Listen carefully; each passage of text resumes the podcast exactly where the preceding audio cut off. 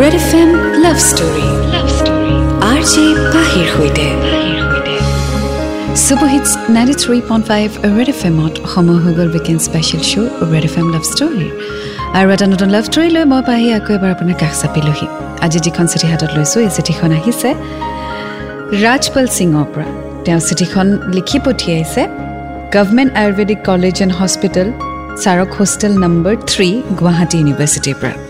চাহক আজি শুনো ৰাজবল সিঙৰ ষ্টৰী প্ৰেম। আহ কি যে এক মিঠা আমেজ। সৰ্বশৰীৰ শিহৰিত কৰি তুলিব পৰা এক সুন্দৰ অনুভূতি। এই প্ৰেমময় বতাহে উৰুৱাই লৈ যায় আমাৰ মন প্ৰাণ দূৰ দিগন্তলৈ। সেইবাবে মধুৰ এই প্ৰেম। এই প্ৰেমৰ আগিত আমি উটি বাঢ়ি হৈ পৰোঁ মতলীয়া। আৰু মন উতলা কৰি দিয়া এই প্ৰেমৰ বা এদিন মোৰো গাত লাগিলে। হৃদয়ত জীপাল হৈ পৰিল কেৱল প্ৰেম আৰু প্ৰেম। সঁচাকৈ দুৰ্বাৰ আকৰ্ষণ এই প্ৰেমৰ। আৰু যেতিয়াৰ পৰা প্ৰেমে বুকুত বাহ সাজিছিল তেতিয়াৰ পৰাই কিবা এটা যেন বিশেষ বস্তু হৃদয়খনে বিচাৰি আছিল। আৰু এদিন শুনিছিলোঁ আপোনাৰ বিশেষ লাভ ষ্টৰী অনুষ্ঠানটিৰ বিষয়ে। আৰু তেতিয়াই সিদ্ধান্ত লৈছিলোঁ মোৰ আত্মাক স্পৰ্শ কৰা প্ৰেম কাহিনী আপোনাৰ কণ্ঠত এদিন হ'লেও শুনিম। আৰু মোৰ কাহিনী সেইগৰাকীলৈ লিখি পঠিয়ালোঁ যাৰ মই খুব ডাঙৰ অনুৰাগী। এতিয়া দিনে ৰাতি অপেক্ষা কৰি থাকোঁ আপোনাৰ সুন্দৰ কণ্ঠত মোৰ প্ৰেম কাহিনীটি শুনিবলৈ। বিশ্বাস কৰক পাহিবা আপোনাৰ কণ্ঠত মোৰ প্ৰেম কাহিনীয়ে প্ৰাণ পাই উঠিব। নমস্কাৰ পাহিবা পোনপ্ৰথমে মোৰ শুভাশীষ গ্ৰহণ কৰিব। মই ৰাজপাল সিঙে কৈছোঁ।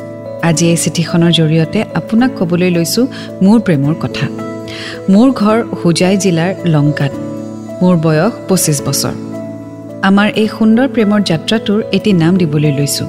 মানে আমাৰ লাভ ষ্টৰীটোৰ নাম আমি ভালপোৱা এটা শাৰী। মন যায় মোৰো চকুত চকুত হ'বলৈ। এই নামটো কিয় দিছোঁ তেওঁ জানে। চ' আজি আমি শুনি গৈ থাকিম ৰাজপাল সিঙৰ ষ্টৰী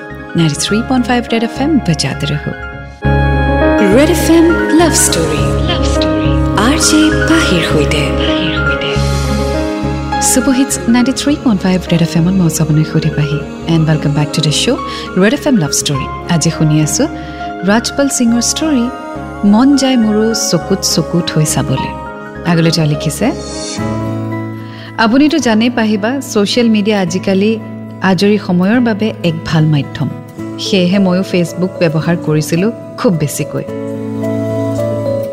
ব্যস্ততাৰ ধামখুমীয়াত বহুত মানুহ লগ পাইছিলোঁ কিন্তু কোনো চিৰস্থায়ী নহ'ল। আজি মই যাৰ বিষয়ে লিখিবলৈ লৈছোঁ তেওঁৰ বাবে আজি মোৰ উকা জীৱনটো ৰঙীন কৰিবলৈ সুযোগ পাইছোঁ। মোৰ প্ৰেমিকা অৰ্থাৎ বৰ্তমান মোৰ অৰ্ধাংগিনীৰ প্ৰকৃত পৰিচয় দিবলৈ ওলাইছোঁ। তেওঁৰ ঘৰ হৈছে উত্তৰ লখিমপুৰত। তেওঁ বৰ্তমান উত্তৰ লখিমপুৰৰ বালিকা মহাবিদ্যালয়ৰ তৃতীয় ছেমিষ্টাৰৰ ইংৰাজী বিষয়ৰ ছাত্ৰী। তেওঁক মই ফেচবুকৰ জৰিয়তে লগ পাইছিলোঁ। সেইদিনা আছিলে তেৰ মে' দুহেজাৰ বিছ তেওঁৰ প্ৰফাইলটো এড ফ্ৰেণ্ডত পাইছিলোঁ। মই ফ্ৰেণ্ড ৰিকুৱেষ্ট পঠিয়াই দিলোঁ। আৰু দুঘণ্টামান পাছতেই তেওঁ মোৰ ফ্ৰেণ্ড ৰিকুৱেষ্টটো গ্ৰহণ কৰিলে। প্ৰথম মেছেজটো তেওঁৰ পৰাই আহিছিল আৰু সুধিছিল মই তেওঁক চিনি পাওঁ নেকি? মই ক'লোঁ চিনি নাপাওঁ। বাছ তেওঁ মিৰ্জাৰ নেকি সেইটো সুধিলোঁ কাৰণ প্ৰফাইলত মিৰ্জা বুলি লিখা আছিল। তাৰপাছত গম পালোঁ যে তেওঁ মিৰ্জা ফালেই থাকে কিন্তু তেওঁ তেওঁৰ মোমায়েকৰ ঘৰত থাকি পঢ়ি আছে আৰু সেইবাবে তেওঁ মিৰ্জাত থাকে। সেয়াই আৰম্ভণি। তাৰপিছত কথা পতা বাঢ়িবলৈ ধৰিলে। তেওঁৰ ভাল লগা বেয়া লগাবোৰ মই বুজিবলৈ ধৰিলোঁ। চ' আগলৈ কি হয় জানিবলৈ অপেক্ষা কৰক and ninety three point five red F M বজাতে ৰহো red F M love story R J পাহিৰ সৈতে super hits ninety three point five red F এমত মই আপোনাক সুধি পাহি। আপুনি শুনি আছে weekend special show' red F M love story আজি শুনি আছোঁ ৰাজপাল সিঙৰ ষ্টৰী আগলৈ তেওঁ লিখিছে সেইটো সময়ত লকডাউন চলি আছিলে। মাজে মাজে তেওঁক মই ফোন নম্বৰটো খুজিছিলোঁ কিন্তু তেওঁ দিয়া নাছিলে। আৰু এদিন তেওঁ মোক ফোন নম্বৰটো দিলে। আৰু মই তেতিয়াৰ পৰাই ফোনত কথা পতা আৰম্ভ কৰিলোঁ তেওঁৰ সৈতে। এনেকৈ লাহে লাহে তেওঁ মোৰ বুকুৰ আপোন হৈ পৰিলে। তাৰ সমান্তৰালকৈ তেওঁক মই এদিন মনৰ কথা কৈও পেলালোঁ। প্ৰথমে তেওঁ মোৰ প্ৰস্তাৱটো গ্ৰহণ কৰা নাছিলে। যদিও মই কথা পাতিবলৈ বন্ধ কৰা নাছিলোঁ। তেওঁ মোৰ প্ৰস্তাৱটো গ্ৰহণ কৰা নাছিলে যদিও মই কিন্তু কথা পতা বন্ধ কৰা নাছিলোঁ। আৰু অৱশেষত আহিল সেই বিশেষ দিনটো এক জুন দুহেজাৰ বিছ যিদিনাখন তেওঁ মোক ভাল পাওঁ বুলি কৈছিলে। সেইখিনি সময়ত মই কিমান সুখী হৈছিলোঁ আপোনাক শব্দৰে প্ৰকাশ কৰিব নোৱাৰিম পাহিবা।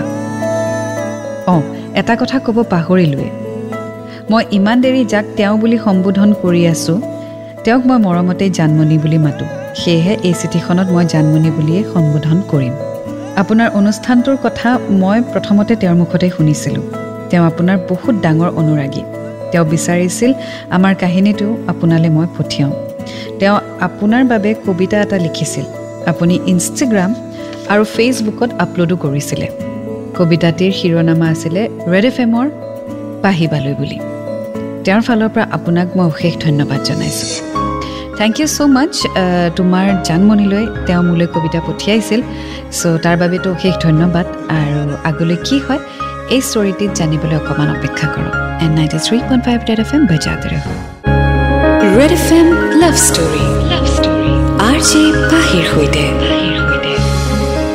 super hits ninety three point five red F এমত মই আপোনাৰ সৈতে পাহি আৰু আপুনি শুনি আছে weekend special show' red F M love story আজি শুনি আছোঁ ৰাজপাল সিঙৰ ষ্টৰী মন যায় মোৰো চকুত চকু থৈ চাবলৈ।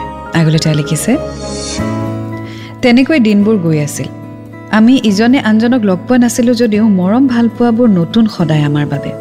অৱশেষত সম্পূৰ্ণ তিনি মাহ দহ দিনৰ পিছত তেওঁৰ জন্মদিনৰ দিনা তেওঁক লগ কৰিবলৈ মই কোনোদিনেই গৈ নোপোৱা উত্তৰ লখিমপুৰ জিলালৈ অকলে তেওঁৰ বাবেই গৈছিলোঁ।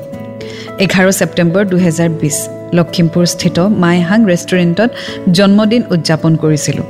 তেওঁৰ দাদা এজনে বুকিং কৰি দিয়া হোটেল এখনত ৰাতিটো কটালোঁ। তাৰ পাছদিনা দহমান বজাত মই হোটেলৰ পৰা ওলাই আহিলোঁ আৰু তাইও ঘৰৰ পৰা ওলাই আহিলে। আমি লগ ধৰিলোঁ আৰু সেইদিনা লখিমপুৰখন ফুৰিলোঁ। গধূলি মই গুৱাহাটীলৈ আহোঁতে তেওঁ মোক বাছত উঠাবলৈ আহিছিলে আৰু খুব কান্দিছিল। মোৰ খুব বেয়া লাগিছিল কিন্তু উপায়টো নাই আহিবই লাগিব। এনেদৰে কিছুদিন গ'ল। চ' তেওঁলোকৰ ৰিলেশ্যনশ্বিপ খুব ষ্ট্ৰং হৈ গৈ আছে। তো আগলৈ কি হয় জানিবলৈ অকণমান অপেক্ষা কৰক and ninety three point five red F M বজাতে ৰহো। Red F M love story. Love story R J পাহিৰ সৈতে। Welcome back and super hits ninety three point five red F এমত মই আছোঁ আপোনাৰ সৈতে পাহি আপুনি শুনি আছে weekend special show' red F M love story শুনি আছোঁ ৰাজপাল সিঙৰ ষ্টৰী আগলৈ তেওঁ লিখিছে আঠাইছ ছেপ্টেম্বৰত তেওঁ ঘৰলৈ আহিলে মই তেওঁক ৱেলকাম কৰিবলৈ আই এছ বি টিত ৰৈ আছিলোঁ আৰু মিৰ্জালৈও থৈ আহিছিলোঁ ঠিক পাঁচদিনমান ঘৰত থাকি পুনৰ লখিমপুৰ যাবলৈ ওলালে আৰু মই তেওঁক থবৰ বাবে লখিমপুৰ গৈছিলোঁ তেওঁক যেতিয়াই লগ পাওঁ সদায় নতুন যেন লাগে আৰু তেওঁৰ ভালপোৱাবোৰো সদায় নতুন। তেওঁক পাই মই সঁচাই ভাগ্যৱান। মৰমবোৰ ভালপোৱাবোৰ আমাৰ অতি পাত। কেনেকৈ যে বুজাওঁ আপোনাক বাঢ়িবা নাজানো ভগৱানে তেওঁক আগতে কিয় নিদিলে মোৰ জীৱনত। এনেকৈ আহিল আমাৰ মাজলৈ এজাক কাল ধুমুহা। তেওঁৰ মাকে আমাৰ সম্পৰ্কটোৰ কথা গম পালে।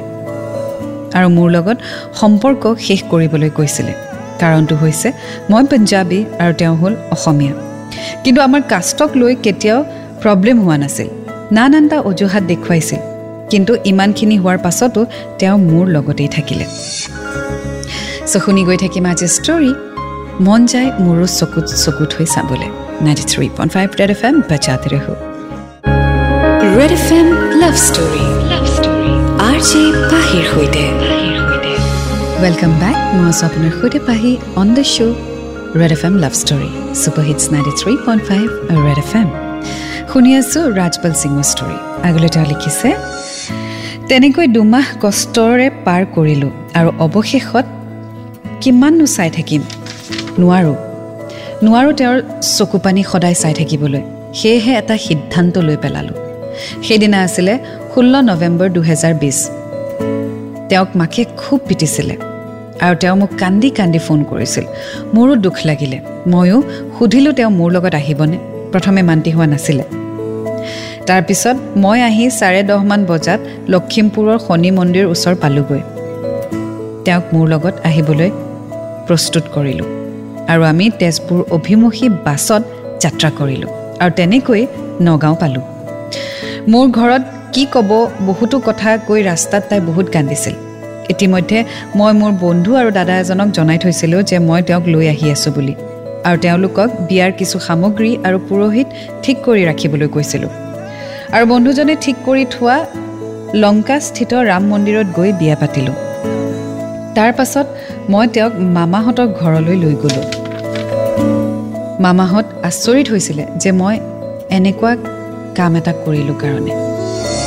চ' এটা ডিচিশ্যন লৈ ল'লে ৰাজপাল সিঙে উইদাউট এনি বডিজ কনচেণ্ট এতিয়া ইয়াৰ পিছত আৰু কি সমস্যাই দেখা দিয়ে জানিবলৈ শুনি থাকক and ninety three point five red F M বজাতে ৰহো red F M love story love story R J পাহিৰ সৈতে welcome back and super hits ninety three point five red F এমত মই আপোনাৰ সৈতে পাহি শুনি আছে আপুনি weekend special show' red F M love story আজি শুনি আছোঁ ৰাজপালৰ লাভ ষ্টৰী মন যায় মোৰো চকুত চকুত হৈ চাবলৈ।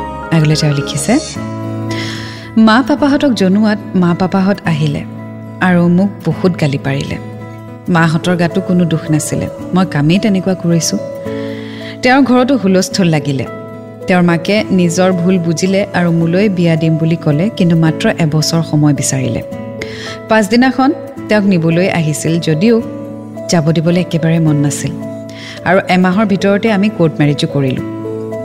পাহিবা আপুনি তেওঁক ক'বচোন তেওঁ মাজে মাজে খুব কান্দে মই ওচৰত নাই বুলি। মই তেওঁৰ চকুত চকু পানী সহ্য নকৰোঁ। আপোনাৰ কথা হয়তো তেওঁ মানিব। তাৰ পাছত তেইছ জানুৱাৰী দুহেজাৰ একৈছ তাৰিখে লগ পালোঁ আৰু বহুত ফুৰিলোঁ। এতিয়া আমি বহুত সুখী পাহিবা। পৃথিৱীৰ আটাইতকৈ সুখী মানুহ যেন অনুভৱ হয়। তেওঁৰ মাকে মোক এতিয়া বহুত ভাল পায়। ফোন কৰি কথা পাতে খবৰো লয়। So' all's well that ends well finally Rajpal সিঙৰ ফেমিলি আৰু জানমণিৰ ফেমিলিও একচেপ্ট কৰিলে তেওঁলোকৰ ৰিলেশ্যনশ্বিপ আৰু কিছু কথা লিখিছে চিঠিখনত সেয়া পঢ়ি গৈ থাকিম and ninety three point five red F M বজাতে ৰহো। Red F M love story love story R J পাহিৰ সৈতে। Welcome back and super hits ninety three point five red F এমত মই আপোনাৰ সৈতে পাহি চলি আছোঁ weekend special show' red F M love story শুনি আছোঁ ৰাজপালৰ ষ্টৰী মন যায় মোৰো চকুত চকুত হৈ চাবলৈ আগলৈ তেওঁ লিখিছে পাহিবা আমাৰ এনিভাৰ্চাৰী আহি আছে আমাৰ প্ৰথম এনিভাৰ্চাৰীৰ বাবে তেওঁলৈ মোৰ ফালৰ পৰা ছাৰপ্ৰাইজ গিফ্ট হিচাপে আমাৰ কাহিনীটো আপোনালৈ পঠিয়ালোঁ মই জানো তেওঁ বহুত সুখী হ'ব ইয়াতকৈ বেলেগ উপহাৰ তেওঁ নিবিচাৰে মোৰ দৃঢ় বিশ্বাস কাৰণ তেওঁ খুব ইচ্ছা আমাৰ লাভ ষ্টৰীটো আপোনাৰ মুখেৰে শুনিবলৈ। মোৰ মাতটো শুনি মোৰ মনটো বুজি উঠা মোৰ মৰমৰ মানুহজনী তুমি সদায় সুখী হোৱা। তুমি মই পৰা আমি হোৱা যাত্ৰাটো ভগৱান সাৰথি হৈ জীৱনটো সুন্দৰ হৈ পৰক। তোমাৰ ওঠত বিৰিঙাই যোৱা এই হাঁহিটো আজীৱন ৰৈ যাব দিবানে? Will you let the smile on your lip stay for ever তোমালৈ বুলি দুটামান শব্দৰ কঠীয়া পেলালোঁ। পাৰিলে ৰুই পেলাবাচোন। মোক জোনাকৰ খেতি কৰিবলৈ দিয়া। হৃদয়ত ৰোপণ কৰা সপোন সোণোৱালী প্ৰেমৰ সঁচ। কোনে জানে ইয়াৰ পিছত কি আছে কি নাই? মই নদীৰ প্ৰেমিক চৰাই উৰা মাৰোঁ জোনাকৰ দেশলৈ হাতত যে সময় নাই। তোমাক কিমান ভাল পাওঁ মোক নুসুধিবা ভাল পাওঁ তোমাক পাই থাকিব দিয়া। ভালপোৱাৰ জোখাৰে তোমাক যিখিনি দিছোঁ তোমাৰ মাজতে ৰাখা না। সংগোপনে বৈ থাকিব দিয়া প্ৰেমৰ ভটিয়নি নৈ। আজি মোক বাধা নিদিবা সাঁতুৰিম প্ৰেমৰ নিষিদ্ধ নৈত। তোমাৰনো কি আহে যায়? দেখা নাই? হাত মেলি বহি আছে বাউলি ফাগুন। অন্তিমৰ সুৰুজৰ এমুঠি হেঙুলি কিৰণ। ৰাখিবা হৃদয়ত মেৰাই। লগ পালে কাহানী বা? তোমাৰ কোমল কলিজাত দিম মই বোলাই। থেংক ইউ পাহিবা। এয়া আছিলে মোৰ story Rajpal Singh Lanka. Rajpal thank you so' much তুমি তোমাৰ ষ্টৰী শ্বেয়াৰ কৰিলা। আই উইচ ইউ বহুত a beautiful married life ahead and congratulations and stay in love for ever বোলে আছিলে আজি ষ্টৰী ৰাজপাল সিঙৰ। এতিয়া মই বাহিৰ বিদায় লৈছোঁ এটা নতুন ষ্টৰীৰ সৈতে আকৌ লগ পাম। Until then to fall in love it's a great feeling you will get to learn a lot and always remember I love you ninety three point five red F M বজাতে ৰহো